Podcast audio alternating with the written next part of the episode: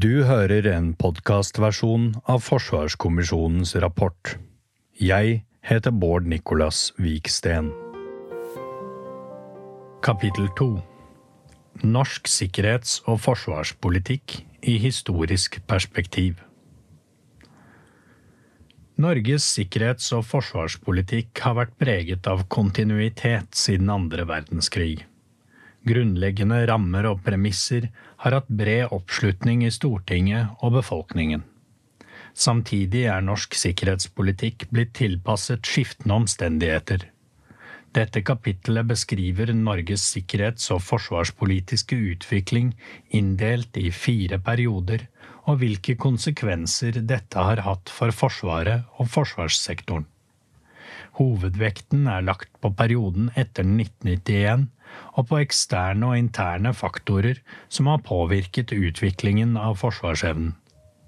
Det har vært et sentralt poeng for Forsvarskommisjonen å ikke være for tilbakeskuende, men i stedet konsentrere oss om hovedlinjer som har relevans for videreutviklingen av norsk sikkerhets- og forsvarspolitikk. Det vil derfor være en rekke elementer eller hendelser som ikke er tatt med i denne korte historiske fremstillingen.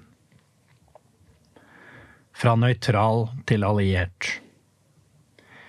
I mange tiår etter 1814 var det ingen ytre trussel mot et Norge i union med Sverige. En svak nasjonaløkonomi ga ikke rom for å bruke penger på forsvar. Det gjorde at Norge knapt hadde et funksjonelt forsvar mot invasjon. Under slike omstendigheter var det lite grunnlag for verken å utvikle en egen strategisk kultur eller for å bygge opp et forsvar som kunne forsvare landet eller yte vesentlig motstand ved et eventuelt angrep. Da Norge fra 1895 styrket Forsvaret både som en følge av den politiske konflikten med Sverige og i tråd med tidens nasjonalisme, startet man i praksis på bar bakke. Norge bygget opp festningsanlegg langs grensen mot Sverige i Sør-Norge og bestilte panserskip fra Storbritannia og kanoner fra Tyskland. Etter unionsoppløsningen i 1905 startet Norge for alvor med å utvikle en egen utenrikspolitikk. I årene frem mot og inn i første verdenskrig var Europa preget av militær opprustning og etablering av stormaktsallianser. Nøytralitetsvakt var Forsvarets hovedoppgave. Målet for Norge ble å delta aktivt i den internasjonale økonomien og fremme internasjonal rett. Men samtidig skulle Norge holde seg utenfor stormaktspolitikken og erklære seg nøytralt dersom det brøt ut krig. Under første verdenskrig var Norge den nøytrale allierte i nord. Denne sikkerhetsstrategien kombinerte alliansefrihet og nøytralitet med en antatt sikkerhetsgaranti fra Storbritannia i tilfelle krig.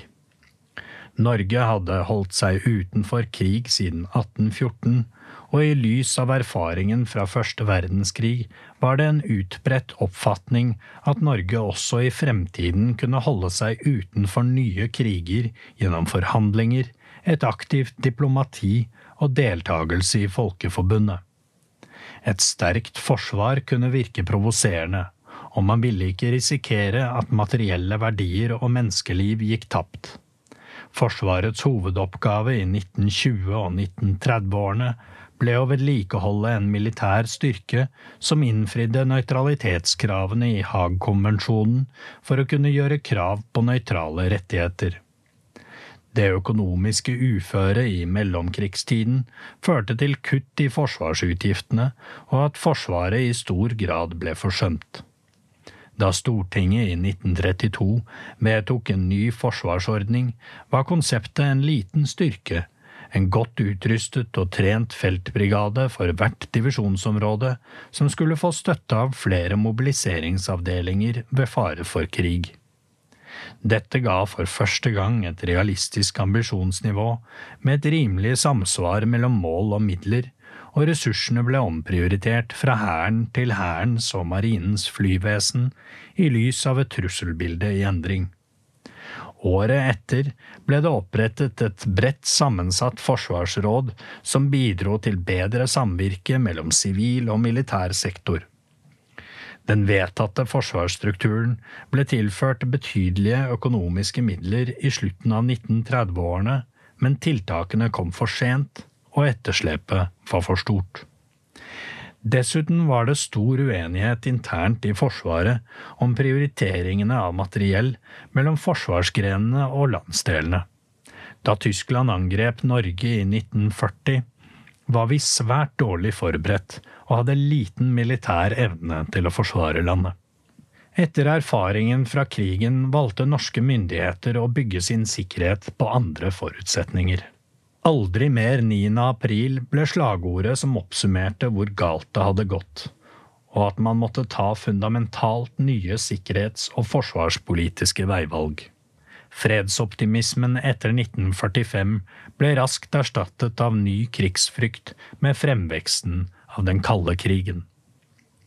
Før andre verdenskrig hadde det vært en utbredt oppfatning at Norge lå i et perifert geografisk område i Europa, og at vi derfor kunne holde oss utenfor konflikt. Andre verdenskrig hadde demonstrert at dette ikke var tilfellet. En av de viktigste lærdommene fra andre verdenskrig var at Norge sannsynligvis ville bli trukket med i en ny konflikt mellom stormaktene som følge av vår strategiske beliggenhet. Etter hvert som den kalde krigen utviklet seg, ble det klart at Norge, de nordatlantiske havområdene og nordområdene var av stor strategisk betydning for begge maktblokkene.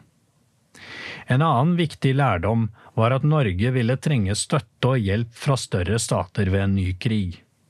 Etter å ha vurdert mulighetene for et skandinavisk forsvarsforbund, vedtok Stortinget våren 1949 med stort flertall å melde Norge inn i Nato som et av de tolv opprinnelige medlemmene. De atlantiske maktene USA og Storbritannia var de viktigste sikkerhetsgarantistene. En tredje viktig lærdom var at støtte og hjelp fra allierte måtte forberedes i fredstid for å være effektive i krig. I tiårene som fulgte tilslutningen til NATO, ble det bygget opp et nært samarbeid med allierte hvor felles øvelser og trening, forhåndslagring av utstyr og andre forberedelser i fredstid skulle sikre at Norge kunne motta hjelp i krise og krig. Denne invitasjonspolitikken har stått sentralt i hele etterkrigstiden. En fjerde lærdom var at norsk sikkerhet var avhengig av et sterkt nasjonalt forsvar. I etterkrigstiden var det bred politisk oppslutning om å styrke Forsvaret. Dette gjorde det mulig å satse betydelig på å bygge opp et landsdekkende og balansert invasjonsforsvar. Et minimum av stående nasjonale styrker i høy beredskap kombinert med planer for hurtig mobilisering av Forsvarets hovedstyrker, skulle sikre at et angrep øyeblikkelig ble møtt med betydelig militær motstand og kunne holde forsvarskampen gående inntil Norge mottok allierte forsterkninger. Holdetid var et sentralt element i invasjonsforsvaret, og var et mål på hvor lenge det norske forsvaret ville være i stand til å motstå et militært angrep fra Sovjetunionen. Holdetid ble nedfelt i den første langtidsplanen i 1946, utgjorde grunnlaget i langtidsplanleggingen til Forsvarets forskningsinstitutt fra 1970-tallet, og forble kjernen i det norske forsvarskonseptet gjennom hele den kalde krigen og i noen grad etterpå. Tyngdepunktet for invasjonsforsvaret ble fra tidlig i 1950-årene liggende i Nord-Norge, med Bodø og Indre Troms som hovedområder. En annen viktig søyle i forsvarskonseptet var den gjensidige støtten og samarbeidet mellom Forsvaret og det sivile samfunn for å forebygge, planlegge for og håndtere kriser i fred, sikkerhetspolitiske kriser, væpnet konflikt og krig. Totalforsvarskonseptet ble utviklet av den norske eksilregjeringen i London under andre verdenskrig, og i årene etter krigen ble Forsvaret prioritert høyt av et stort flertall på Stortinget. Utbruddet av Koreakrigen i 1950 førte til en kraftig opprustning globalt. De neste tiårene bevilget Stortinget om lag 3% av BNP til Forsvaret. Norge under den kalde krigen. Styrking av Forsvaret og alliert avhengighet. De drøyt 40 årene med kald krig var en relativt stabil periode for norsk sikkerhet. Den ideologiske konfrontasjonen mellom øst og vest låste verden i et fast sikkerhetspolitisk rammeverk. Stabiliteten ble likevel kontinuerlig utfordret, og det oppsto flere større og mindre globale og regionale kriser. Viktige komponenter i innsatsen for å styrke forsvaret av Norge etter andre verdenskrig var byggingen av et mye større og sterkere forsvar, maksimal utnyttelse av verneplikten, oppbygging av et mobiliseringsforsvar og utnyttelse av totalforsvaret. Noe våpen, militært materiell og infrastruktur som tyskerne etterlot seg, kunne gjenbrukes. En avgjørende komponent var omfattende militær støtte og hjelp fra Nato generelt og USA spesielt. Knapt noe annet Nato-land ut fra folketall mottok så mye støtte fra alliansen og USA som Norge. De viktigste allierte bidragene var kampfly, stridsvogner og hjelp til å bygge opp en ny marine. I tillegg kom omfattende støtte til infrastrukturutbygging, forskning og utvikling og materiell og finansiell støtte til oppbygging av etterretningstjenesten. Grunnet vår geografiske nærhet til den sovjetiske nordflåtens strategiske ubåter på Kolahalvøya, atomprøvesprengningsfeltet på Novaja Semlja og nedlastningssonen til sovjetiske satellitter ble Norge et viktig sted for overvåkning av sovjetisk militæraktivitet. Norskekysten ble et sentralt sted for signaletterretning og avanserte systemer for å lytte etter ubåter, samt for å følge sovjetisk aktivitet i Barentshavet og Norskehavet. Norge mottok støtte til å bygge lyttestasjoner, radarer, maritime patruljefly og etterretningsfartøy. Like viktig var tilgangen på vestmaktenes kompetanse til å organisere og utruste et moderne forsvar, samt kontakter som ble etablert på ulike nivå. Forsvar og samfunn I etterkrigstiden ble Forsvaret en del av samfunnet på en helt annen måte enn tidligere. Forsvaret hadde en viktig nasjonsbyggende funksjon.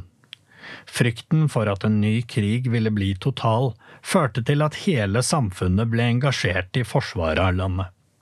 Hovedtrekkene var bred folkelig deltakelse, lik byrdefordeling og sterk tiltro til sentralstyring. Den kalde krigens totalforsvar var på mange måter en vel planlagt væpnet dugnad. Det dreide seg om maksimal utnyttelse av verneplikten, utbygging av totalforsvaret, oppbygging av en nasjonal forsvarsindustri og lokal forankring av forsvarsinstallasjoner over hele landet. Mange steder var Forsvaret den dominerende virksomheten i lokalsamfunnet og ga jobber, skatteinntekter, skole og helsetilbud. En mer omfattende praktisering av verneplikten, lengre førstegangstjeneste og omfattende repetisjonsøvelser bidro også til at store deler av den mannlige befolkningen kom i berøring med Forsvaret i perioder av livet. Ved en lovendring i 1979 ble kvinner som frivillig valgte å gjøre tjeneste i Forsvaret, også pålagt mobiliserings- og tjenesteplikt. Fra 1985 ble det innført yrkesmessig likestilling mellom kjønnene i Forsvaret, og i 2014 ble både kvinner og menn omfattet av verneplikten. Et omfattende system basert på mobilisering og rekvisisjon skulle sikre at Forsvaret hadde tilgang på nødvendig personell og materiell dersom det ble krig. Systemet var strengt regulert gjennom beredskapslovgivningen, men ble i liten grad brukt. På midten av 1980-tallet var om lag en fjerdedel av Norges befolkning involvert i totalforsvaret. I samme periode lå Forsvarets samlede krigsstyrke på mellom 300 000 og 450 000 personer, med en daglig fredsorganisasjon på 30 000–40 000 personer. Dette resulterte i et toveisengasjement der Forsvaret ble engasjert i sivilsamfunnet og sivilsamfunnet i Forsvaret. Dette ga tette bånd og avhengighetsforhold, samtidig som støtte til det sivile samfunn hadde en sekundær rolle. Unntakene her var søk- og redningstjeneste, grensevakt og fiskerioppsyn. Det var Forsvarets støtte fra det sivile samfunn i krise og krig som var kjernen i totalforsvarskonseptet i denne perioden. Norsk tilnærming til avskrekking og beroligelse. Den kalde krigen førte til at Norge mellom 1949 og 1990 utviklet en sikkerhetsstrategi som gikk ut på å kombinere avskrekking og beroligelse overfor Sovjetunionen og integrasjon og avskjerming overfor Nato. Den doble politikken søkte å unngå at Sovjet skulle presse eller angripe Norge, samtidig som Norge balanserte mellom å bli integrert i Nato uten å bli for tett koblet til USA og andre allierte. Formålet var å skape seg et handlingsrom for småstaten Norge i balansegangen mellom to blokker. Norsk sikkerhetspolitikk i denne perioden var konsentrert om trusselen fra Sovjetunionen i nord. Gjennom Nato-medlemskapet fikk Norge en garanti for at et eh, sovjetisk angrep på Norge ville bety krig med USA, noe som ga en grunnleggende trygghet. Samtidig uttrykte Norge overfor Sovjetunionen at vi på vår side ville gjøre vårt for å ivareta et lavt spenningsnivå i regionen. Alliansesamarbeidet ble rammet inn av de såkalte selvpålagte restriksjoner i fredstid, hvor de viktigste var base-, atom- og anløpspolitikken og visse begrensninger på alliert militær aktivitet i nord generelt og Finnmarksområdet spesielt. Disse beroligende eller avskjermende tiltakene tjente flere formål. Hovedhensikten var å berolige Sovjetunionen gjennom å unngå virksomhet som med rimelighet kunne oppfattes som provoserende, og som kunne skape uønsket spenning. Slik aktsomhet kunne samtidig bidra til å opprettholde dialog med sovjetiske myndigheter og tilrettelegge for samarbeid på områder av felles interesse. I tillegg tjente tiltakene innenrikspolitiske formål, som å sikre bred politisk og folkelig forankring, og sikre at alliert aktivitet i Norge var under nasjonal kontroll. De selvpålagte restriksjonene var en vedvarende kilde til uenighet mellom Norge og allierte, spesielt USA. Amerikanske myndigheter hadde vanskelig for å forstå og tidvis akseptere norske avvik i alliansesamarbeidet. Etterretningssamarbeidet skapte også ved noen anledninger friksjon. Tre eksempler kan belyse dette. I 1960 ble det amerikanske spionflyet U-2 skutt nedover Sovjetunionen på vei til Bodø. Norske myndigheter ble ikke informert på forhånd om den planlagte overflygningen, og reagerte skarpt da dette ble kjent. Den sovjetiske regjeringen truet med å utslette Bodø med atomvåpen dersom USA skulle benytte norske flyplasser for rekognoseringstokt en gang til. I 1981 kom det til en konfrontasjon om en nordisk atomvåpenfri sone. Den amerikanske utenriksministeren fremholdt at han ikke kunne anbefale sin president å sende forsterkninger til Norge dersom det ble opprettet en slik sone. Fem år senere oppsto en skarp meningsbrytning med amerikanske og britiske myndigheter om anløp av krigsfartøyer som kunne bære kjernevåpen.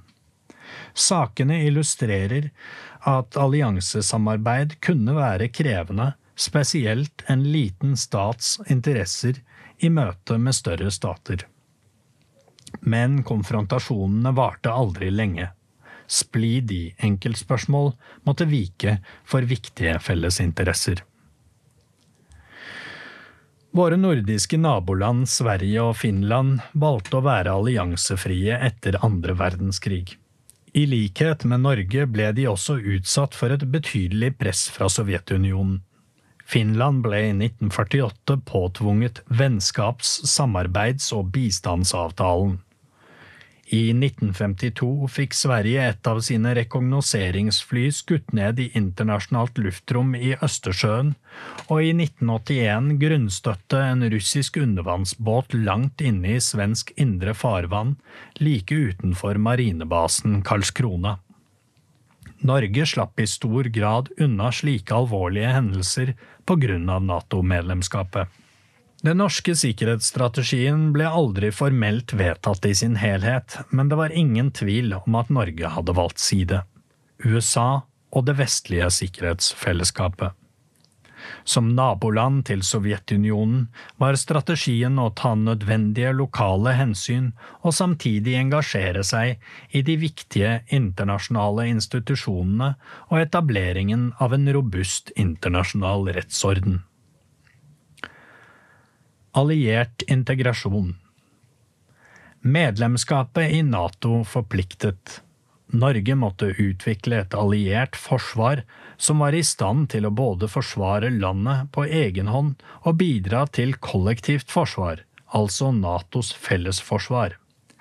Det ble tilrettelagt for allierte øvelser på norsk territorium, og Natos Nordkommando fikk hovedkvarter på Kolsås.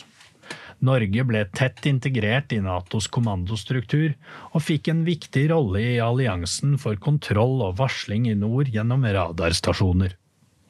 Den amerikanske våpenhjelpen frem til midten av 1960-årene var avgjørende for utviklingen av Forsvaret.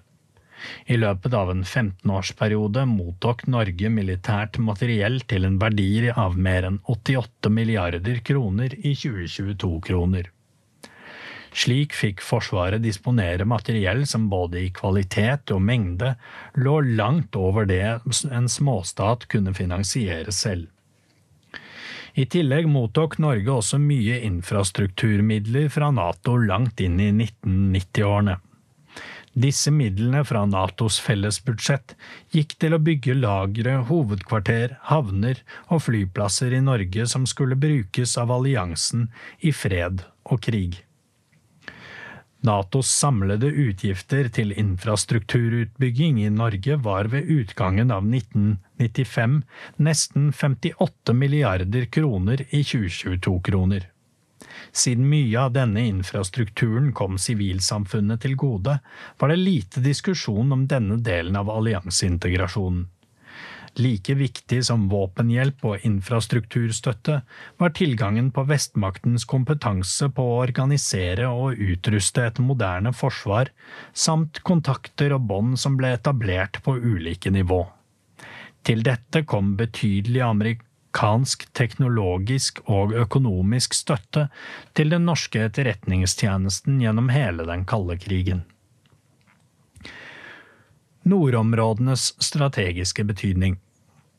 Som et resultat av de internasjonale havrettsforhandlingene i 1970-årene sikret Norge seg en kontinentalsokkel på ca 1,5 millioner kvadratkilometer og en økonomisk sone på omtrent 2 millioner kvadratkilometer.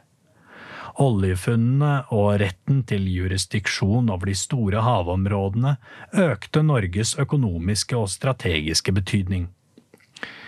Det medvirket til etableringen av Kystvakten i 1977 for å styrke suverenitetshevdelse og myndighetsutøvelse. Opprustningen på Kolahalvøya virket i samme retning. Trusselbildet ble liggende fast gjennom hele den kalde krigen, og Sovjetunionen ble ansett som den potensielle fienden. Dette dimensjonerte innretningen av Forsvaret. Selv om det overordnede trusselbildet var relativt konstant, ble oppfatningene påvirket av den teknologiske utviklingen, maktblokkenes strategier og utbygging av militære kapasiteter i norske nærområder. Dette fikk i sin tur betydning for Forsvarets utvikling. I 1970-årene vokste den sovjetiske nordflåtens slagkraft enormt. Dermed kom Natos evne til å hindre at norsk territorium kunne havne under sovjetisk kontroll på dagsordenen for alvor.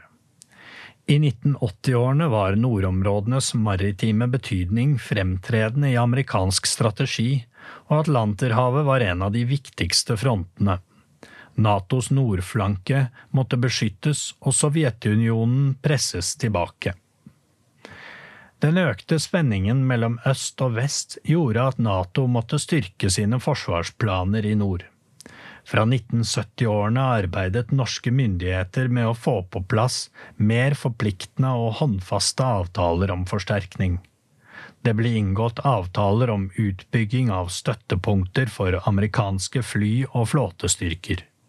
I 1981 kom en ny og omfattende avtale med USA på plass om forhåndslagring av tyngre våpen og en luftbåren marineinfanteribrigade i Trøndelag. Det ble også inngått forhåndslagringsavtaler og lagret tungt materiell for tyske, kanadiske og britiske avdelinger som var øremerket for forsvaret av Norge. Omfanget av alliert øvingsaktivitet i Norge og våre nærområder økte i denne perioden som følge av endringer i trusselbildet. Disse endringene ble ledsaget av debatt om basepolitikkens rammer og om avskrekking og beroligelse var riktig avstemt. Skiftende regjeringer hadde samtidig bred støtte i Stortinget for sin fortolkning og praksis. Kvantitet foran kvalitet. Gjennom hele etterkrigstiden var det norske forsvarskonseptet basert på erkjennelsen av egen relativ underlegenhet og behov for assistanse utenfra. Norge hadde en stor mobiliseringshær, men det ble stilt spørsmål ved hvor godt utrustet og trent den i realiteten var. Den kalde krigens gedigne, men underutrustede mobiliseringshær er blitt omtalt som en papirtiger hvis viktigste funksjon var å bidra til å berolige egen befolkning, bekymre sovjetiske militære planleggere og demonstrere forsvarsvilje overfor Norges allierte i Nato. Totalforsvaret med invasjonsforsvaret i sentrum fordret at Forsvaret ble tett sammenvevd med alle deler av sivilsamfunnet i hele Norge. Dette skapte avhengigheter med store konsekvenser, noe som gjorde det vanskeligere å gjøre endringer i forsvarspolitikken uten at det fikk store ringvirkninger for mange andre politikkområder. Det ble av distriktspolitiske årsaker i denne perioden krevende å legge ned baser. Over tid bidro dette til at forsvarsstrukturen økte og at kvaliteten sank. Selv om det ble brukt mye penger på forsvar, var det ikke nok til å opprettholde en stadig større landsdekkende struktur. Dette problemet vokste da den amerikanske våpenhjelpen ble kuttet i løpet av 1960-årene. Fra kald krig til kampen mot terrorisme. Sikkerhetspolitiske grunntrekk og omgivelser i endring. Etter den kalde krigens slutt i 1991 ble rammebetingelsene for norsk sikkerhet vesentlig endret. Invasjonstrusselen mot Norge ble kraftig redusert etter Sovjetunionens oppløsning. På tross av regionale kriger i Europa i 1990-årene og et mer sammensatt trusselbilde ble tiåret sterkt preget av fredsoptimisme. Forsvarsbudsjettene ble gradvis redusert i lys av at eh, hovedtrusselen var bortfalt, og Forsvaret startet på en omfattende omstilling for å tilpasse seg endringene. Etter hvert ble mer oppmerksomhet rettet mot samfunnssikkerhet. Dette gjorde det nødvendig å tilpasse totalforsvarskonseptet til datidens utfordringer.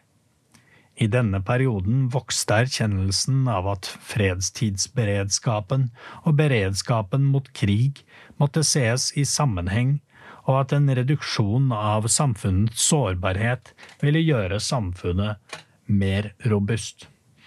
Tidlig i 1990-årene var viktige byggeklosser i Europas sikkerhetsarkitur kommet på plass. Et eksempel på dette er Wien-dokumentet om tillitsbyggende tiltak og traktaten om konvensjonelle våpen, CFE-avtalen. USA og Russland hadde også inngått bilaterale avtaler om reduksjon av strategiske kjernevåpen, START-avtalen, og mellomdistanseraketter, INF-avtalen. Europa manglet imidlertid fortsatt arenaer på tvers av gamle skillelinjer. Konferansen om sikkerhet og samarbeid i Europa, KSSE, var ennå ikke omdannet til en permanent organisasjon, mens Nato og EU i 1992 var vestlige fellesskap uten klare perspektiver for eventuell integrasjon av landene i Øst-Europa. Øst-Europa sto ovenfor store omstillinger utover i 1990-årene, og det var frykt for at konflikter kunne oppstå, noe som også skjedde på Balkan. Regionen hadde store stående styrker som måtte demobiliseres, avvæpnes og omskoleres. Det knyttet seg uro til Sovjetunionens kjernevåpen, som etter oppløsningen befant seg i fire ulike land. De tidligere sovjetrepublikkene, med unntak av Baltikum, hadde et felles forsvar innenfor samveldet av uavhengige stater, men det heftet usikkerhet ved samveldets fremtid. Forsvarskommisjonen av 1990 utelukket ikke at Russland på sikt kunne utvikle seg i nasjonalistisk og autoritær retning og bli en trussel mot sine nye naboland. Fra midten av 1990-årene ble fredsoptimismen preget av større usikkerhet, og flere kriger og konflikter brøt ut, særlig i Afrika og Midtøsten. Forståelsen av trusselbildet endret seg i denne perioden, og sikkerhetsbegrepet ble utvidet til å omfatte ikke bare statssikkerhet, men også samfunnssikkerhet og menneskelig sikkerhet. Som nabo til Sovjetunionen og med vår utsatte strategiske posisjon ble Norge oppfattet som ekstra sårbart under den kalde krigen. Dette la grunnlaget for en større utbygging av forsvarsanlegg, særlig i Nord-Norge, men også i sør. Hovedvekten i den norske forsvarstradisjonen lå på koblingen mellom staten, folkets forsvarsvilje og nasjonens territorium. Forsvarskonseptet bygde på mobilisering av store deler av befolkningen for direkte å forsvare norsk fastlandsterritorium. Dette hadde bred politisk og folkelig appell. Verneplikt som mobiliseringsmodellen bygget på hver mann sitt gevær-prinsippet, altså en forsvarstenkning som var basert på kvantitet og ikke kvalitet. Forsvaret fikk bedre utstyr og materiell etter hvert, men invasjonsforsvaret under den kalde krigen var likevel basert på volum, ikke spisskompetanse. Forsvarskommisjonen av 1990 anbefalte å videreføre datidens forsvarskonsept uten store endringer i innretning og oppgaver. De sikkerhetspolitiske omveltningene som fulgte etter den kalde krigen, utfordret imidlertid grunnstenene i forsvarspolitikken. Norge hadde et forsvar som var mye større enn det var politisk vilje til å opprettholde. Det ble kuttet i Forsvarets størrelse og organisasjon, men snarere ut fra økonomiske hensyn enn en reell omlegging av det mobiliseringsbaserte invasjonsforsvaret. Forsvarskommisjonen av 1990 satte retningen for den fremtidige utviklingen ved å fremme disse tre hovedoppgavene for Forsvaret å bidra til å forebygge krig og medvirke til stabilitet og fredelig utvikling, å beskytte norsk handlefrihet overfor politisk og militært press og ivareta norske rettigheter og interesser, å forsvare norske land, sjø og luftterritorium mot krenkelse og angrep. I tillegg ble det lagt vekt på oppgaver og funksjoner av mer sivil karakter som håndhevelse av norsk jurisdiksjon og myndighetsutøvelse i norsk økonomisk sone. For å kunne understøtte hovedoppgavene skulle Forsvaret utgjøre et invasjonsforsvar som kunne møte et større militært angrep mot Nord-Norge, samt utgjøre et landsomfattende territorialforsvar. Ambisjonen om invasjon i én landsdel og evne til å yte militær motstand over hele landet ble dermed opprettholdt. Fortsatt usikkerhet om utviklingen i Russland og militære nedskjæringer hos våre allierte ble brukt som begrunnelse for at mest mulig av et mobiliserbart invasjonsforsvar ble opprettholdt til midten av 1990-årene. Ulike konsepter på strategisk nivå har i varierende grad vært førende for Forsvarets rolle i forsvaret av Norge etter annen verdenskrig. Det tradisjonelle forsvarskonseptet holdetid gikk som nevnt ut på at Norge skulle kunne holde ut alene inntil vi fikk effektiv hjelp fra våre allierte.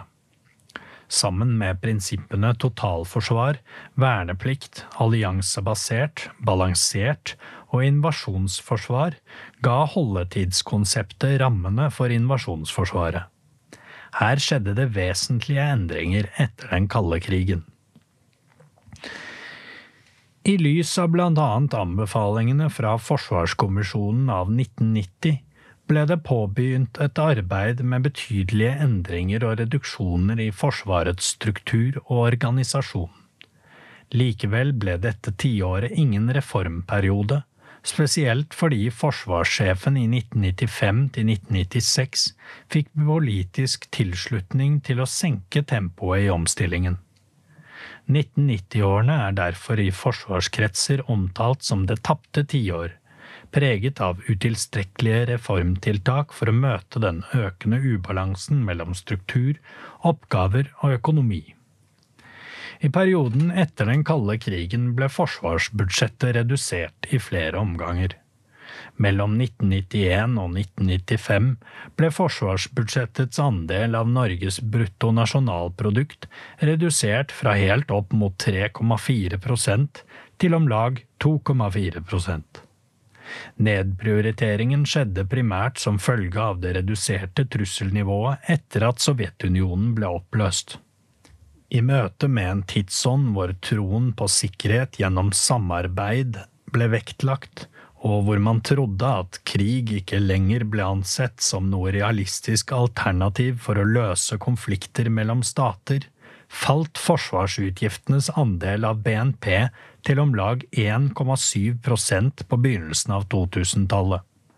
Forsvarsdepartementets andel av statsbudsjettet ble også halvert til omkring 3,5 denne nedprioriteringen av forsvar skjedde parallelt med at Norges utenriks- og sikkerhetspolitiske omgivelser på få år endret seg markant i positiv retning.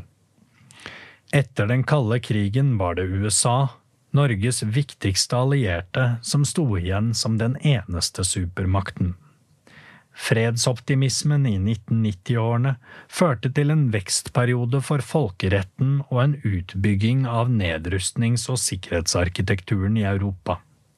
Avtalen om konvensjonelle styrker i Europa, CFE, i 1990, Kjemivåpenkonvensjonen, CWC, i 1993, prøvestansavtalen, CTBT, i 1996 og konvensjonen mot landminer i 1997 er eksempler på dette. FNs sikkerhetsråd inntok en mer aktiv rolle i konflikthåndtering, mens etableringen av spesialtribunaler og en internasjonal straffedomstol fra 2002 ga nye instrumenter i kampen mot krigsforbrytelser. I Europa ble KSSE oppgradert og omdannet til Organisasjonen for sikkerhet og samarbeid i Europa, OSSE, i 1995, mens Østersjørådet i 1992, Barentsrådet i 1993 og Arktisk råd i 1996 ga Norge nye samarbeidsarenaer i nærområdene. Utviklingen banet vei for store reduksjoner i forsvarsutgiftene, hvor Norge ikke skilte seg vesentlig fra andre Nato-land. Målt som andel av bruttonasjonalproduktet falt forsvarsutgiftene i Nato med ca. 39% i perioden 1990 til 2000. USA reduserte sitt nærvær i Europa betraktelig fra å ha hatt 450 000 personell stasjonert på rundt 1200 ulike baser i Europa i midten av 1980-årene, ble dette i løpet av 2000-tallet redusert til om lag 64 000 personell på rundt 21 ulike steder. De amerikanske konseptene skiftet fra permanent nærvær til periodevis forsterket nærvær under øvelser og trening. Samtidig ble det gjort store kutt i Natos kommandostruktur. Antall militære hovedkvarter ble redusert fra 65 til 20 i perioden 1990 til 2008. Kuttene hadde landene til felles, mens endringstakten i forsvarspolitikken varierte. Nato lå på mange måter i forkant. Det ble tidlig klart at flere land i Øst-Europa ønsket fullt medlemskap i Nato. Dette førte allerede i 1990-årene til en diversifisering, hvor Nato utviklet verktøy for å måle og understøtte demokratiutvikling og sikkerhetssektorreform. I denne perioden var det utstrakt tro på at demokratisering ville føre til en fredeligere verden. Med alliert støtte ble betydelige våpenarsenaler avviklet og store styrker demobilisert. Norge bidro tungt til dette arbeidet gjennom støtte til flere av Natos omstillingsfond. I denne perioden utviklet Nato et strategisk partnerskap med Russland innenfor det permanente fellesrådet fra 1997 og i Nato-Russland-rådet fra 2002. Fra invasjonsforsvar til internasjonale operasjoner. En annen oppgave som kom til i 1990-årene, var krisehåndtering. Dette banet vei for det nye innsatsforsvaret. Fra å være innrettet mot å forsvare eget territorium hjemme, ble Forsvaret et instrument for å forsvare norske interesser hjemme og ute. Med utgangspunkt i borgerkrigene i det tidligere Jugoslavia involverte Nato seg fra 1992 i en rekke fredsoperative oppdrag. Oppdragene spente fra fredsbevaring og støttefunksjoner til skarpe operasjoner. Med unntak av Natos operasjon i Kosovo i 1999 var oppdragene hjemlet i resolusjoner fra FNs sikkerhetsråd. Forsvaret var i starten av perioden ikke innrettet mot denne typen operasjoner. I Kosovo hadde konflikten mellom den albanske geriljaen og jugoslaviske regjeringsstyrker utviklet seg til full krig fra 1998. I mars 1999 innledet Nato luftkampanjer mot Jugoslavia. Forsvarsalliansen grep inn i en situasjon som i realiteten var en intern konflikt i en suveren stat. Natos begrunnelse var å stanse overgrep begått av serbiske styrker mot den albanske sivilbefolkningen, og å hindre folkemord og en humanitær katastrofe. Erfaringene fra FNs mangelfulle håndtering av massakrene i Ravanda i 1994 og Srebrenica i Bosnia-Hercegovina i 1995 var et viktig bakteppe. Disse hendelsene og Kosovo-krigen utløste en omfattende debatt om det internasjonale samfunns såkalte responsibility to protect, eller ansvar for å beskytte sivilbefolkningen i suverene stater, og hvorvidt beskyttelse av grunnleggende menneskerettigheter kan begrunne en eller flere staters militære inngripen i en annen stat. Norge deltok både i luftoperasjonen i Kosovo og senere med et stort bidrag i KFOR, den Nato-ledede internasjonale fredsbevarende styrken i Kosovo. Norge hadde deltatt i internasjonale operasjoner helt siden 1947, da Norge sendte militære bidrag til Tyskland i den allierte okkupasjonen etter landets nederlag i andre verdenskrig.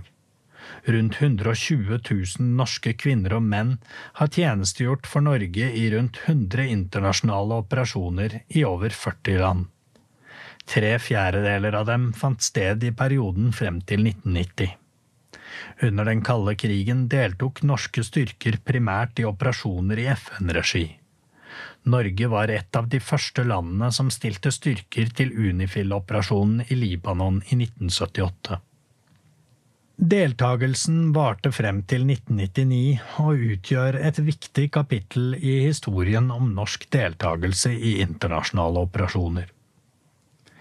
Et viktig formål med deltagelsen i FN-operasjoner var Norges medansvar for internasjonal sikkerhet. Rekrutteringen var basert på frivillighet, og i mange år var anerkjennelsen lav. I første halvdel av 1990-årene ble den norske deltakelsen i internasjonale operasjoner gradvis dreid i retning av NATO-operasjoner. Foranledningen var oppløsningen av Jugoslavia og krevende konflikter på Balkan som Nato engasjerte seg stadig sterkere i. Med betydelige styrkebidrag både i Midtøsten, på Balkan og Somalia nådde samlet norsk deltakelse i internasjonale operasjoner en topp i 1992 1994, med nærmere 2000 soldater i tjeneste samtidig. Norge var frem til 1999 relativt forsiktig med hvilke kapasiteter som ble stilt til rådighet i internasjonale operasjoner. Etter terrorangrepet på USA 11.9.2001 ble Nato engasjert i den USA-ledede globale krigen mot terrorisme, og med innsats i skarpere operasjonsmiljøer utenfor det euroatlantiske området. Dette ble starten på en nær 20 år lang periode med store koalisjonsoperasjoner, hvor også Norge kom til å bidra tungt og med spissere kapasiteter. Deltakelse i flernasjonale krisehåndteringsoperasjoner utenfor Norge ble av norske myndigheter ansett som et viktig bidrag til internasjonal fred og sikkerhet. I tillegg til å styrke Nato la ulike norske regjeringer til grunn at deltakelse i internasjonale operasjoner også ville bidra til å øke muligheten for hjelp til Norge ved behov. To andre viktige drivkrefter var at deltakelsen i seg selv ga norske styrker økt treningsnivå og krigføringsevne, og at det ga tilgang og innpass som samtalepartnere med våre nærmeste allierte. Norske myndigheter hadde, ifølge Afghanistan-utvalget, tre hovedmål for sitt engasjement i Afghanistan. Med i en kamp med USA og Nato, mot internasjonal terror og for et bedre Afghanistan. Å støtte USA og opprettholde Natos relevans var også en viktig begrunnelse for norsk deltakelse i operasjonene i Libya i 2011. Deltagelsen i Afghanistan er et av de mest omfattende og langvarige internasjonale oppdragene Norge har deltatt i. De første styrkene ankom i desember 2001, og de siste forlot landet i august 2021. I denne perioden tjenestegjorde rundt 9200 norsk personell i landet. Ti norske soldater falt i tjeneste for Norge i Afghanistan.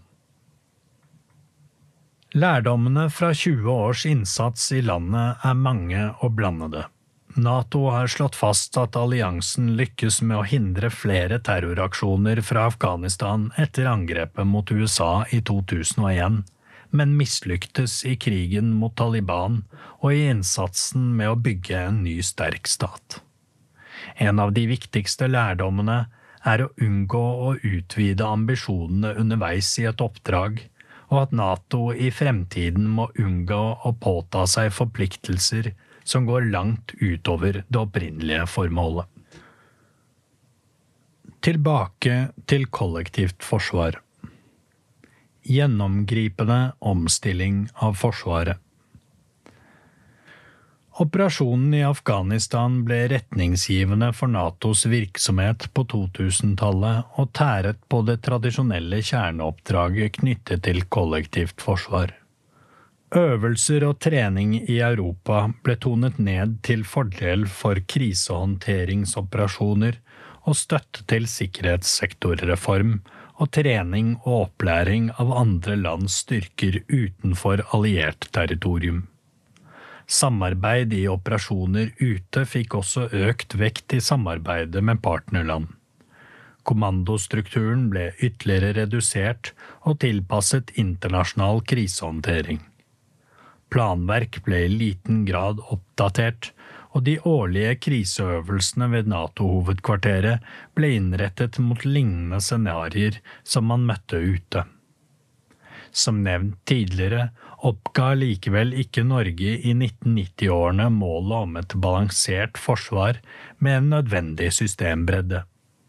Russland og den geopolitiske situasjonen i nord fortsatte å være dimensjonerende for Forsvarets innretning og utvikling.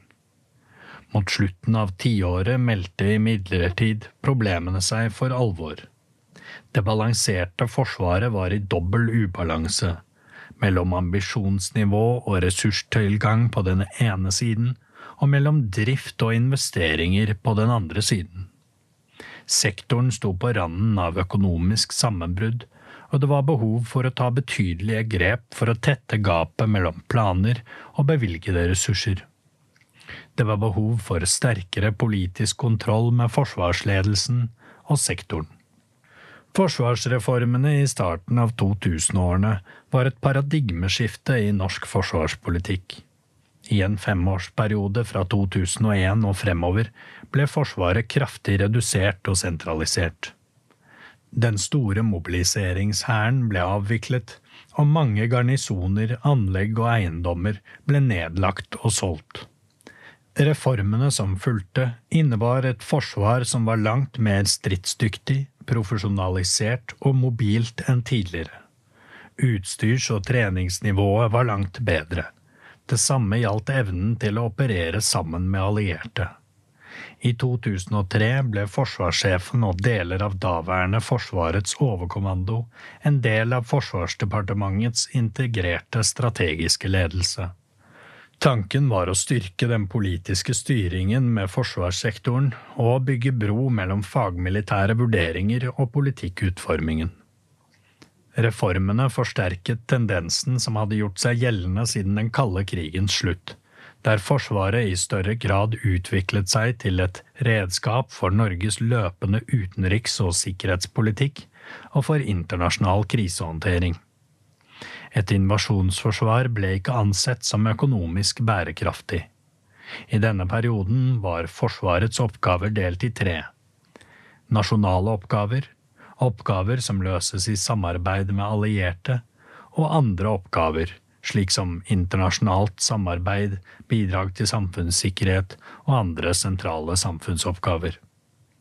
Kombinasjonen av at gamle oppgaver ble videreført og nye oppgaver innført, medførte at Forsvaret sto i en stadig større spagat. Forsvarssjefens militærfaglige utredning fra 2003 og langtidsplanen til Bondeviks andre regjering fra 2004 markerte overgangen til et innsatsforsvar som et alliansetilpasset sikkerhetspolitisk virkemiddel. Oppfatningen var at Norge i økende grad var avhengig av å eksportere sikkerhet for å kunne understøtte sin egen. Nasjonale og territorielle oppgaver kunne ikke lenger systematisk prioriteres foran internasjonale. Langtidsplanen fra 2008 bygget videre på denne tilnærmingen ved å vektlegge prinsippene for moderne og fleksibelt innsatsforsvar, alliansetilpasning, langsiktig balanse mellom oppgaver, struktur og ressurser, sivil-militært samarbeid, allmenn verneplikt, samt evne til å håndtere nasjonale og internasjonale utfordringer. Tilbake til kjerneoppgavene. I løpet av 2000-årene reetablerte Russland sin posisjon som en regional stormakt, med vilje og evne til å markere seg både internasjonalt og overfor sine naboer. Høye eksportpriser på olje og gass muliggjorde en omfattende russisk militær modernisering og profesjonalisering. Samarbeidet mellom Russland og Nato ble gradvis dårligere i denne perioden, noe som kom til uttrykk i saker som Nato-utvidelse og missilforsvar. I kjølvannet av Russlands krig mot Georgia i 2008 og økt russisk militær aktivitet i nordområdene stilte Norge seg i spissen for at Nato burde legge mer vekt på forsvar av alliert territorium. Bakgrunnen for det såkalte nærområdeinitiativet var at kunnskap og planverk knyttet til kollektivt forsvar hadde forvitret i Nato som organisasjon. Det var behov for å rette større oppmerksomhet mot kollektivt forsvar. Natos reviderte strategiske konsept av 2010 gjenspeilet en delvis retur til alliansens kjerneoppgaver – der tre konseptuelle grunnsteiner for allianseforsvaret ble presisert kollektivt forsvar, krisehåndtering og sikkerhetssamarbeid med eksterne partnere. Til tross for østeuropeiske Nato-lands skepsis til samarbeidet med Russland, ble Natos samarbeidsaktiviteter med Russland gjenopptatt kun et år etter krigen i Georgia. Likevel markerte 2008 et stille tidsskille. I årene som fulgte ble det russiske forsvaret tilført store midler ledsaget av omfattende forsvarsreformer og store strategiske øvelser. Samtidig dreide russisk innenriks- og utenrikspolitikk i mer autoritær retning. Et lyspunkt i denne perioden var inngåelsen av delelinjeavtalen mellom Russland og Norge. Etter 40 år med forhandlinger om den maritime grensen i Barentshavet og Polhavet, ble avtalen undertegnet i 2010 og ratifisert følgende år. Avtalen ble sett på som en viktig diplomatisk seier som løste et vanskelig utenrikspolitisk og folkerettslig spørsmål mellom Russland og Norge.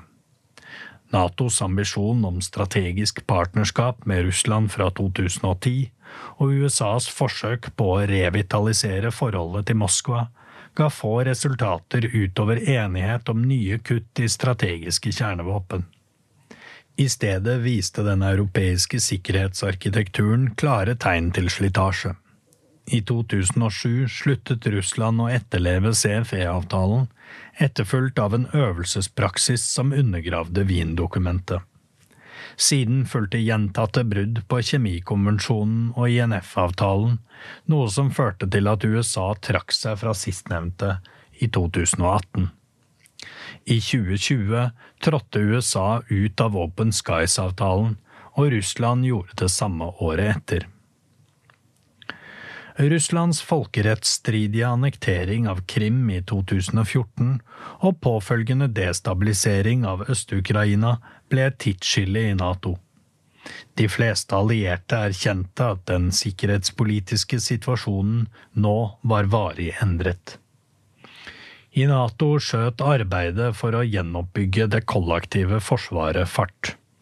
Som direkte konsekvens av annekteringen av Krim vedtok Nato-toppmøtet i Wales i 2014 at alle Nato-land innen 2024 skulle bevege seg mot målet om å bruke 2% av BNP på forsvar. Med nedtrappingen av operasjonene i Kosovo og Afghanistan lå forholdene til rette for et skifte. Fra 2014 utplasserte Nato forsterkningsstyrker i Baltikum og Polen. Norge har bidratt i den fremskutte landstyrken i Litauen siden 2017. Nato bygget opp mottaksapparat i flere land og overhalte sine reaksjonsstyrker kraftig. Planverk ble fornyet, og kollektivt forsvar ble igjen vektlagt i øvelser og trening.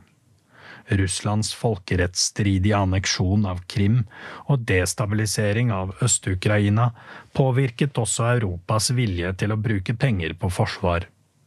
Under amerikansk påtrykk ble forsvarskutt snudd til forsiktig vekst fra 2015.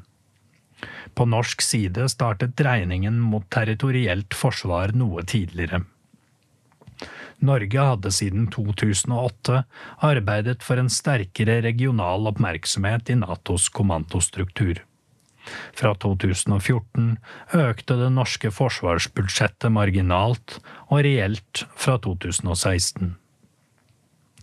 Etter de store Nato-utvidelsene hadde Norge lagt vekt på et tettere samarbeid med utvalgte allierte og de nordiske landene. Dette førte i 2010-årene til økt trening og øving i Norge. Norge styrket også samarbeidet med EU, bl.a. gjennom deltakelse i prosjekter under EUs strukturerte forsvarssamarbeid PESCO og som assosiert medlem av forsvarsfondet European Defence Fund. Siden 2014 har avskrekking stått sentralt i Nato. Sommeren 2022 vedtok Nato et nytt strategisk konsept. Konseptet gjenspeiler utviklingen siden 2014 og løfter igjen frem kollektivt forsvar som Natos viktigste oppgave. Samtidig peker konseptet på andre forhold som kan få betydning for alliert sikkerhet de neste ti årene. Konseptet vektlegger Kinas fremvekst, betydningen av ny teknologi, energisikkerhet, klimautfordringene og militariseringen av det ytre rom. Den norske forsvarspolitiske retorikken ble skjerpet og preget utviklingen av Forsvaret.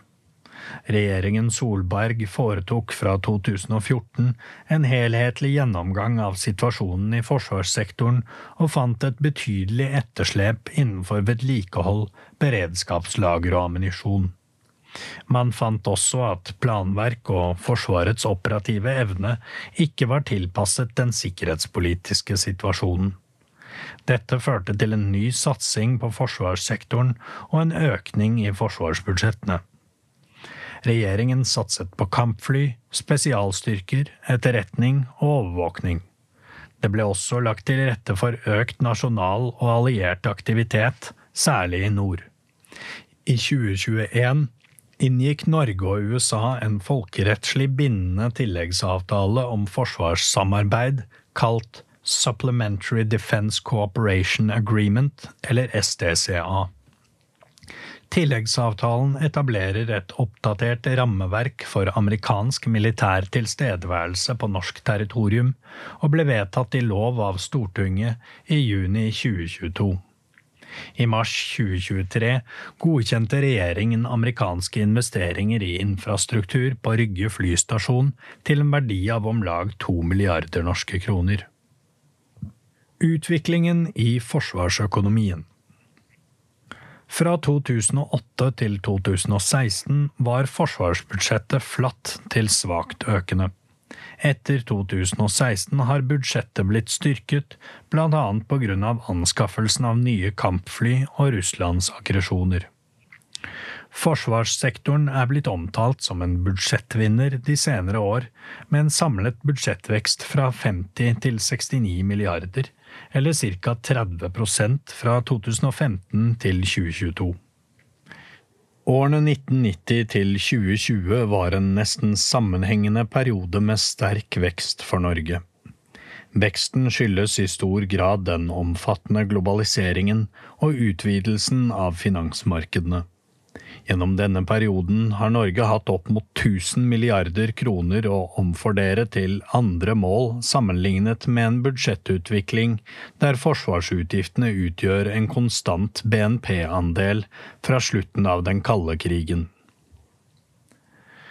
Forsvarsbudsjettene etter den kalde krigen led også under at de ikke ble kompensert for den reelle kostnadsutviklingen i sektoren, som er større enn ellers i samfunnet.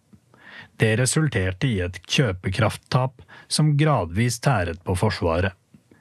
Teknologisk utvikling, etterslep fra langvarig underfinansiering og prisvekst gjør også at de siste årenes bevilgninger har gitt beskjeden effekt. En annen utfordring for forsvarssektoren har vært tidvis manglende oppfølging av økonomiske planforutsetninger gjennom de årlige budsjettene. Godt samsvar mellom politisk vedtatte langtidsplaner og årlige budsjetter er avgjørende for både langsiktig bærekraft og løpende kostnadseffektiv styring og drift. Det første tiåret etter årtusenskiftet var preget av manglende slikt samsvar. Særlig ille var det i perioden 2002 til 2005. Fra og med langtidsplanen for 2009 til 2012 har det imidlertid vært et godt samsvar mellom de vedtatte langtidsplanene og påfølgende årsbudsjetter. Det har allikevel ikke vært tilstrekkelig for å møte det sikkerhetspolitiske utfordringsbildet. Skiftende regjeringer de siste 10–15 årene har lagt vekt på at det må være en balanse og samsvar mellom oppgaver, ambisjoner, struktur og økonomi i forsvarssektoren i et langsiktig perspektiv. I de siste langtidsplanene har følgende styrende prinsipper blitt lagt til grunn for utviklingen av forsvarssektoren og implementeringen av forsvarspolitikken. balanse, realisme og langsiktighet innenfor en konseptuell ramme. Å sørge for denne balansen er en vedvarende utfordring. Revitalisering av sivilmilitært samarbeid. Da faren for total krig falt bort med slutten av den kalde krigen, falt også behovet for totalforsvaret i bredt omfang bort. Etter den kalde krigens slutt fikk beredskap for fredstidskriser mer oppmerksomhet i Norge. Mest vekt ble nå lagt på at Forsvaret skulle bidra til å sikre et stadig mer sårbart samfunn mot både menneskeskapte og naturskapte trusler og hendelser. Planverket ble ikke holdt ved like, og i løpet av 1990-årene gikk konseptet nesten helt i glemmeboken. Lovverket som regulerte totalforsvaret besto, men systemene og øvelsene for sivil støtte til Forsvaret forvitret gradvis. I 2004 vedtok Stortinget å modernisere totalforsvarskonseptet. Koblingen til sivil beredskap og Forsvarets støtte til det sivile samfunn ble tydeligere i denne perioden. Det nye totalforsvaret skulle fungere i hele spekteret, fra fred via krise og i krig. Forsvaret skulle i større grad enn tidligere vektlegge støtte til det sivile samfunn ved fredstidskriser. Det var ikke lenger en forutsetning at beredskapslovgivningen måtte tre i kraft for at en gjensidig støtte mellom Forsvaret og det sivile samfunn skulle iverksettes. Samtidig videreførte man hovedprinsippet om at Forsvarets struktur skulle dimensjoneres for å løse Forsvarets primæroppgaver. Siden 2014 har arbeidet med å kartlegge og avtalefeste Forsvarets støttebehov fra sivile myndigheter og private aktører i krig, krise og fred gradvis økt i omfang. Beredskap mot et væpnet angrep ble igjen prioritet. For å styrke beredskapsarbeidet ble et fireårig totalforsvarsprogram etablert i 2016. Hensikten var å øke motstandsdyktigheten i kritiske samfunnsfunksjoner, samt å planlegge for sivil støtte til Forsvaret. Den store NATO-øvelsen Trident Juncture i Norge i 2018 bidro til at sivilmilitært planverk og samarbeidsordninger ble forbedret, testet og utviklet før og under selve øvelsen. Slik fikk sivil-militær beredskapsplanlegging for sikkerhetspolitisk krise og krig et løft, og erfaringen viste at den sivile støtten til Forsvaret i all hovedsak fungerte. Forsvarets rolle i samfunnssikkerheten har økt i takt med et mer sammensatt trussel- og risikobilde. Forsvaret skal iverksette nødvendige tiltak for stats- og samfunnssikkerheten innenfor rammen av totalforsvaret. Forsvaret skal bistå det sivile samfunn etter anmodning når sivile ressurser ikke strekker til eller finnes. Det gjelder for eksempel ved naturkatastrofer, ulykker, redningsaksjoner og alvorlige kriminelle handlinger som terrorisme. Alle Forsvarets tilgjengelige ressurser kan i prinsippet bistå i sivil krisehåndtering, avhengig av den faktiske situasjonen, sivile myndigheters behov og dersom det er forenlig med Forsvarets primære oppgaver. I dag er det hovedsakelig grensevakten, Forsvarets spesialstyrker, Kystvakten, Forsvarets helikopterkapasitet, Heimevernet og Garden som har dedikerte oppdrag til støtte for sivile myndigheter i fredstid. Eksempelvis er Kystvakten statens primære myndighetsutøver til havs, og utfører kontroller med hjemmel i kystvaktloven. Kystvakten har begrenset politi-, inspeksjons- og kontrollmyndighet, og kan iverksette tvangstiltak på vegne av flere statlige aktører og sivile myndigheter. Historisk sett har bruken av militære styrker i fredstid vært strengt regulert ved lov. Grunnlovens paragraf 25 stadfester at regjeringen ikke har rett til å bruke militær makt mot egne innbyggere uten hjemmel i egen lov. Dette henger sammen med de utstrakte fullmakter som var gitt Forsvaret i krigstid og regulert gjennom beredskapslovene fra 1950-årene og prinsippet om sivil og demokratisk kontroll med de væpnede styrker. Både terrorfrykt og frykten for russiske sabotasjeaksjoner på norsk jord førte til et intensivert arbeid for å formalisere samarbeidet mellom politiet og Forsvaret fra midten av 1980-årene. Første instruks om Forsvarets bistand til politiet i fredstid kom imidlertid først i 1998 og ble revidert uten vesentlige endringer i 2003. I praksis og gjennom øvelser ble det avdekket flere svakheter i samarbeidet mellom politiet og Forsvaret. I 2012 ble det igjen vedtatt ny instruks bl.a. på bakgrunn av erfaringene etter terrorhendelsene 22.07.2011. Stortinget vedtok i 2015 en endring i politiloven som lovhjemlet Forsvarets bistand til politiet. Vedtaket imøtekom dermed kritikken mot at bistandsinstruksen ikke var lovhjemlet. I 2015 ble instruksen endret slik at den samsvarte med lovendringen, og det ble tatt inn bestemmelser om hurtigprosedyrer for kritiske situasjoner. Dagens instruks fra 2017 er ytterligere forenklet og forkortet. Det har underveis vært flere diskusjoner om grensedragningen, særlig Forsvarets ansvar for maritime terroranslag. Utviklingen i trusselbildet og hensynet til at alle samfunnets ressurser må tas i bruk når det er nødvendig, har vært viktige drivkrefter i arbeidet. Instruksen gir nødvendige retningslinjer for utnyttelse av samfunnets samlede ressurser innenfor rammen av grunnlov og lov. I senere tid har Heimevernet gitt omfattende bistand til politiet. Under pandemien i 2020 og 2021 bisto Heimevernet politiet med ekstraordinær grensekontroll på Schengens indre grense mot Sverige og Finland. Heimevernet bidro med over 70 000 soldatdøgn i grenseoppdraget. Forsvaret støttet også helsemyndighetene med vaksinering.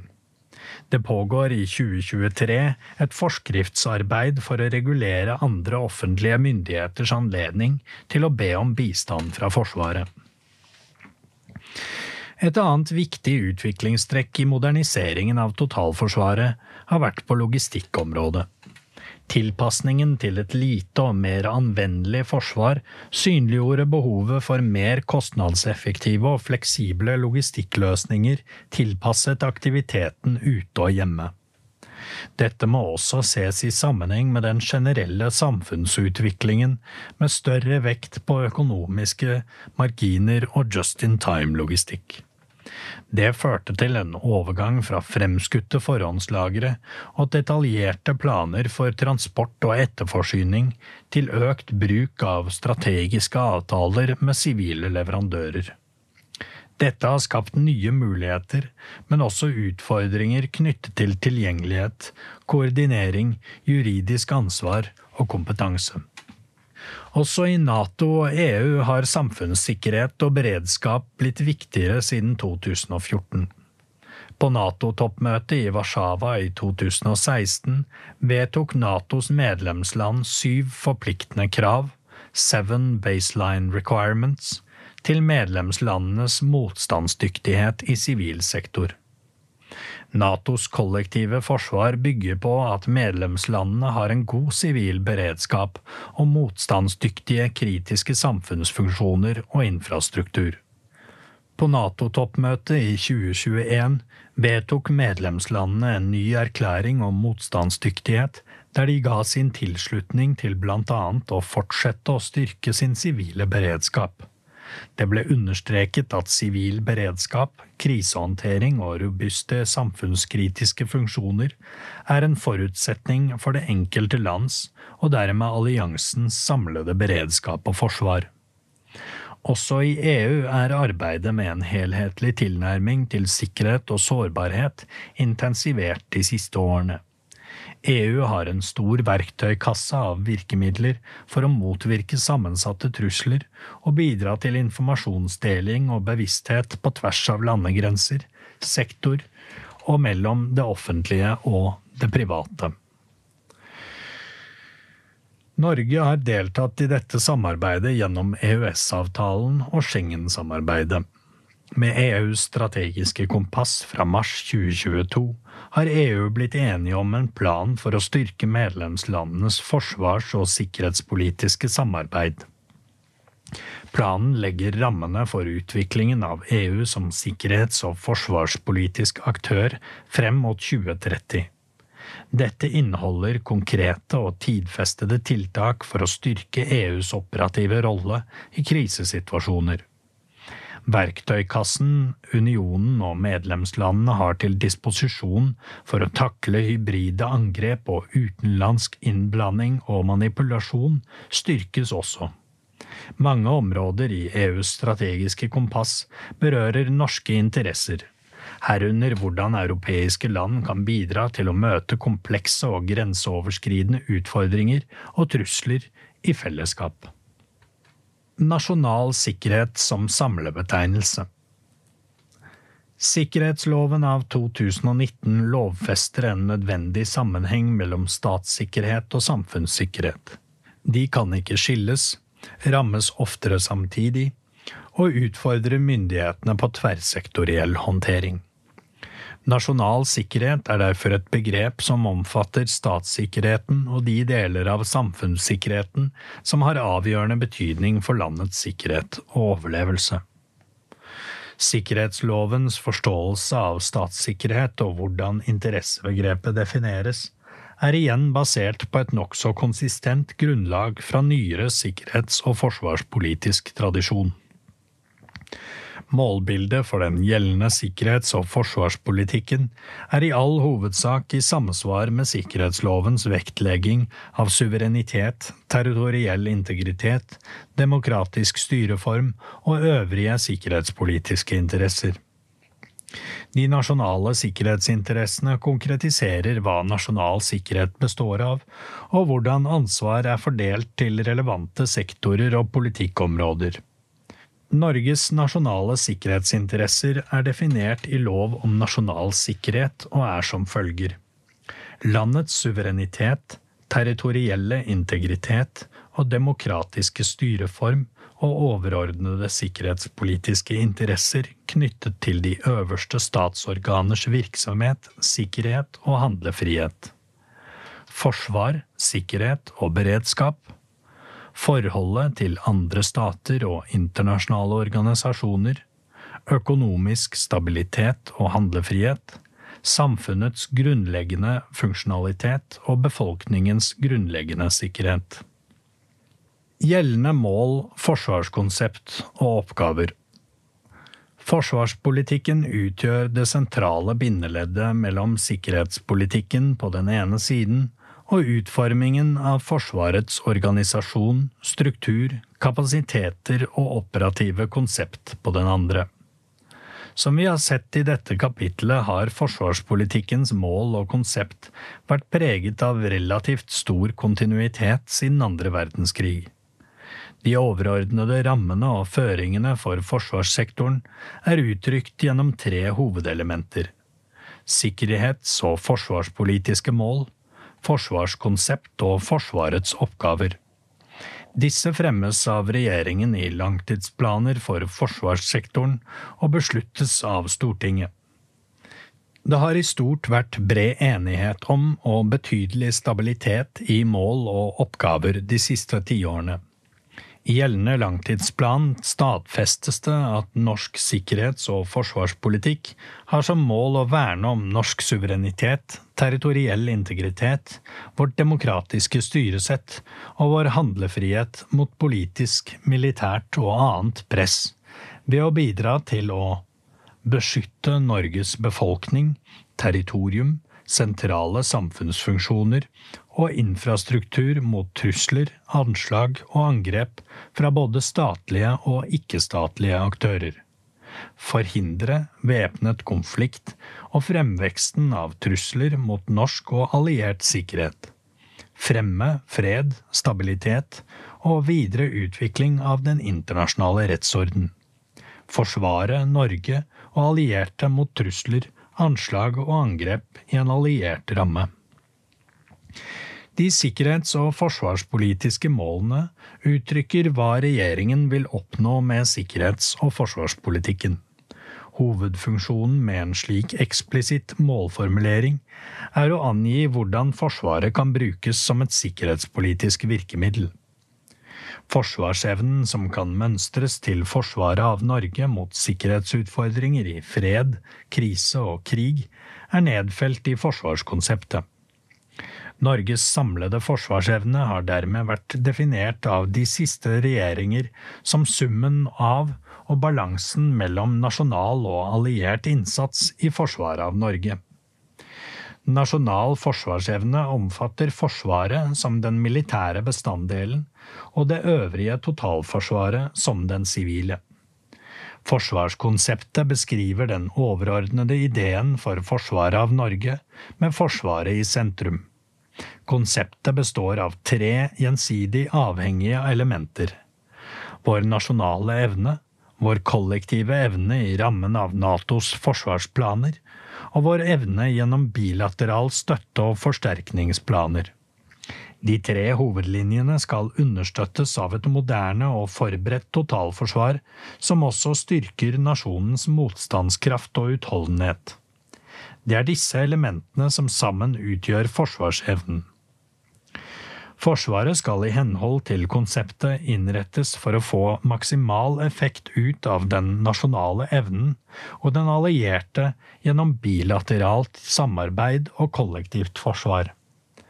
Det var først i langtidsplanen i 2020 at betydningen av bilateralt samarbeid og forpliktende samarbeidsavtaler med allierte land fikk en fremtredende plass i konseptet.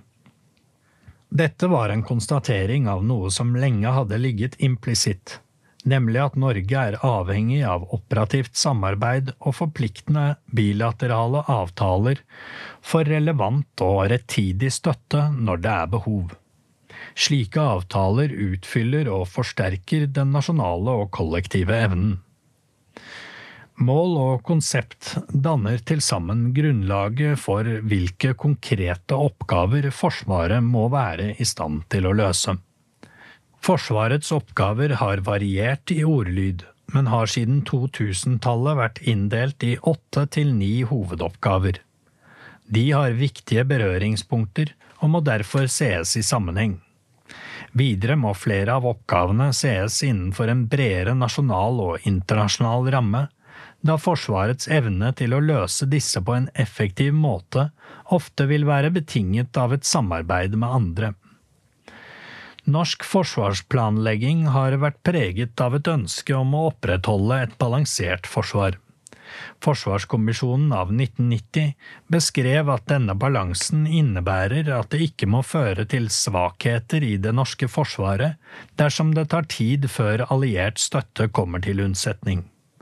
Slike svakheter kan være store gap i forsvarsstrukturen, der Norge på sentrale områder i realiteten vil være forsvarsløse.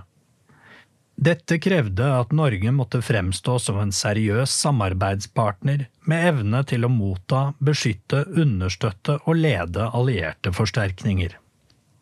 Hvis ikke Norge gjorde sitt, kunne man risikere at allierte forsterkninger ikke ville komme. Dagens forsvarskonsept har elementer av denne lærdommen i seg, men er tilpasset en sikkerhetssituasjon med trusler og utfordringer som kan ramme bredere, raskere og mer sammensatt enn for noen tiår siden. De siste langtidsplanene har lagt til grunn at Forsvaret bør ha et minimum av forsvarsevne for å kunne påvirke en situasjon og ha nasjonal innflytelse på hvordan den blir håndtert sammen med allierte. Den tidligere sekvensielle tilnærmingen om at Forsvaret må kunne holde ut i påvente av alliert støtte, er justert og tilpasset en annen virkelighet. Utfordringene det siste tiåret innebærer at nasjonale og allierte kapasiteter øver og trener og opererer sammen nokså kontinuerlig. Ettersom statssikkerheten kan rammes under nivået for væpnet konflikt på stadig flere områder, favner også forsvaret av Norge bredere nå enn før. Det påvirker Forsvarets oppdragsportefølje.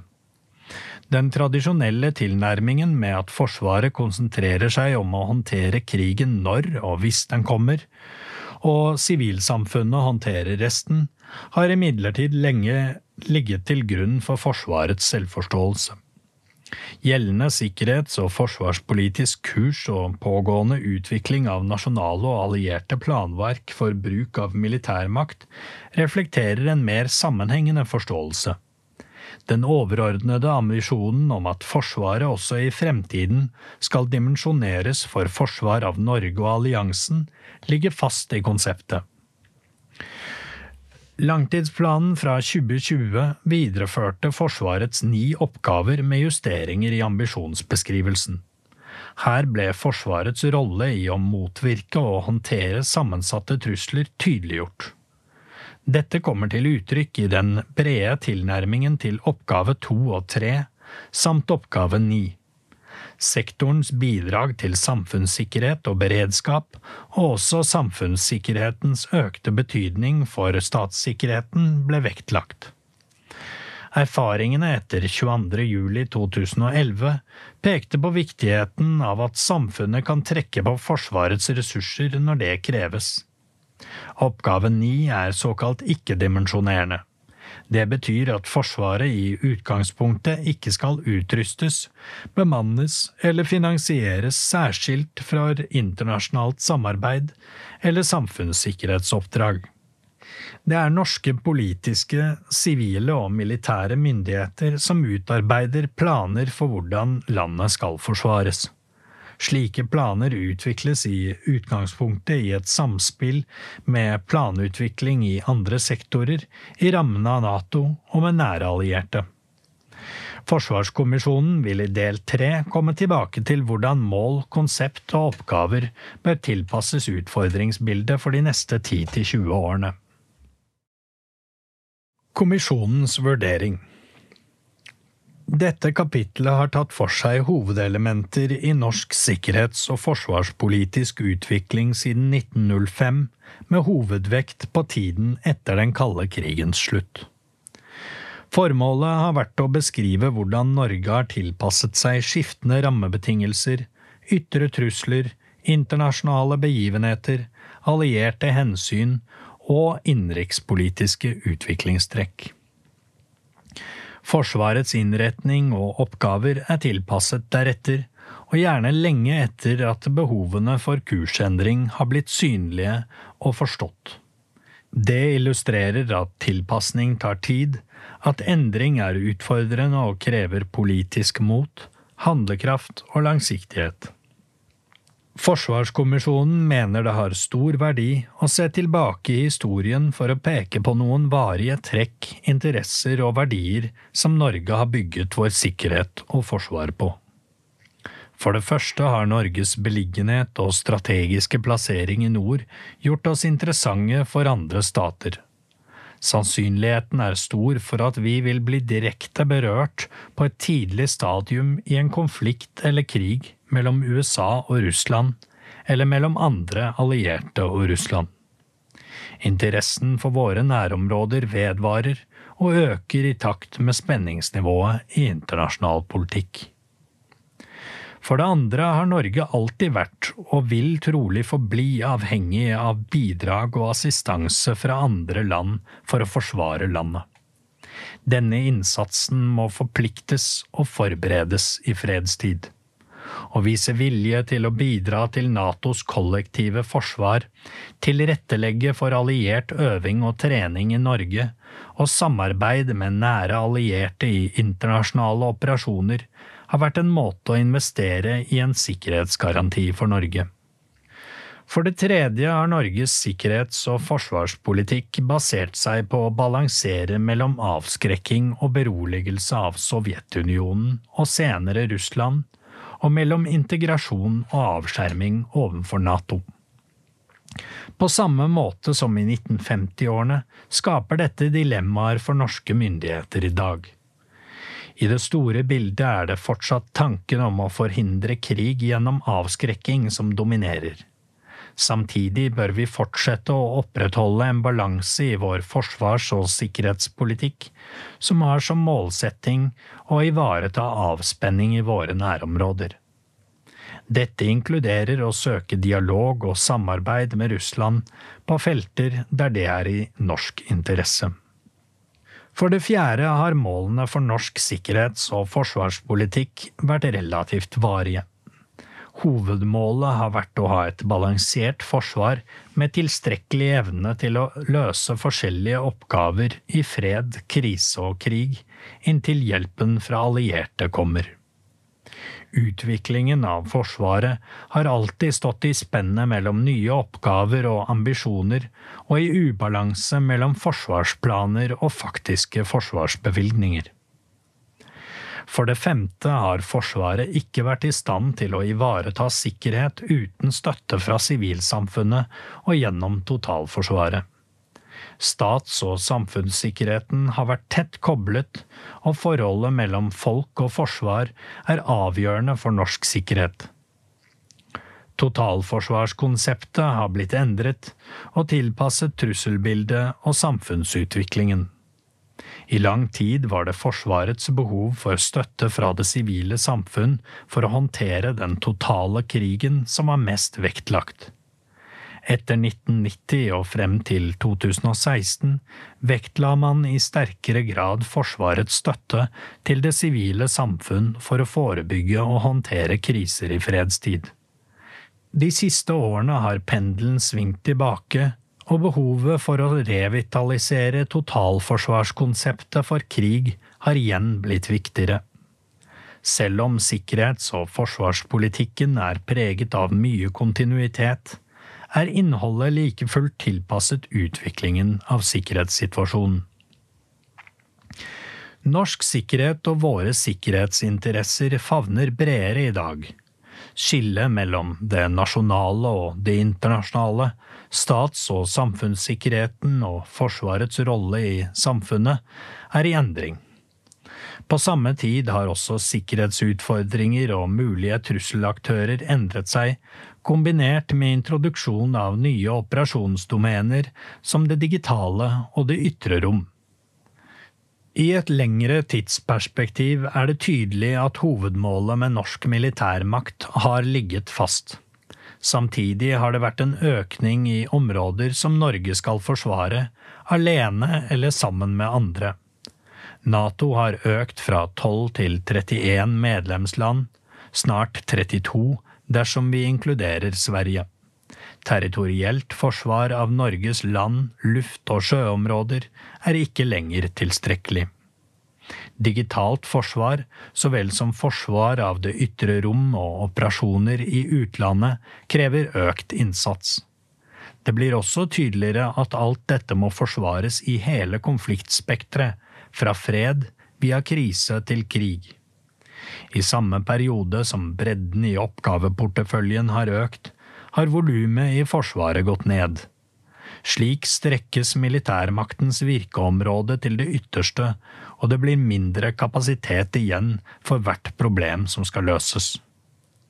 Som vi beskriver nærmere i del to, vil trussel- og utfordringsbildet de neste 10–20 årene kreve mer av oss. Forsvarskommisjonen konstaterer at sikkerhetssituasjonen ved inngangen til 2020-årene er alvorlig forverret. Utviklingen utgjør en større utfordring for norsk sikkerhet og norske interesser enn på mange tiår. De pågående endringene i våre sikkerhetspolitiske omgivelser påvirker alle politikkområder og hele samfunnet. Norge har ikke et forsvar med det volumet, utholdenheten og samvirket som trengs. I neste kapittel vil vi beskrive status og utfordringer for forsvarsevnen. Dette er en podkastversjon av Forsvarskommisjonens rapport.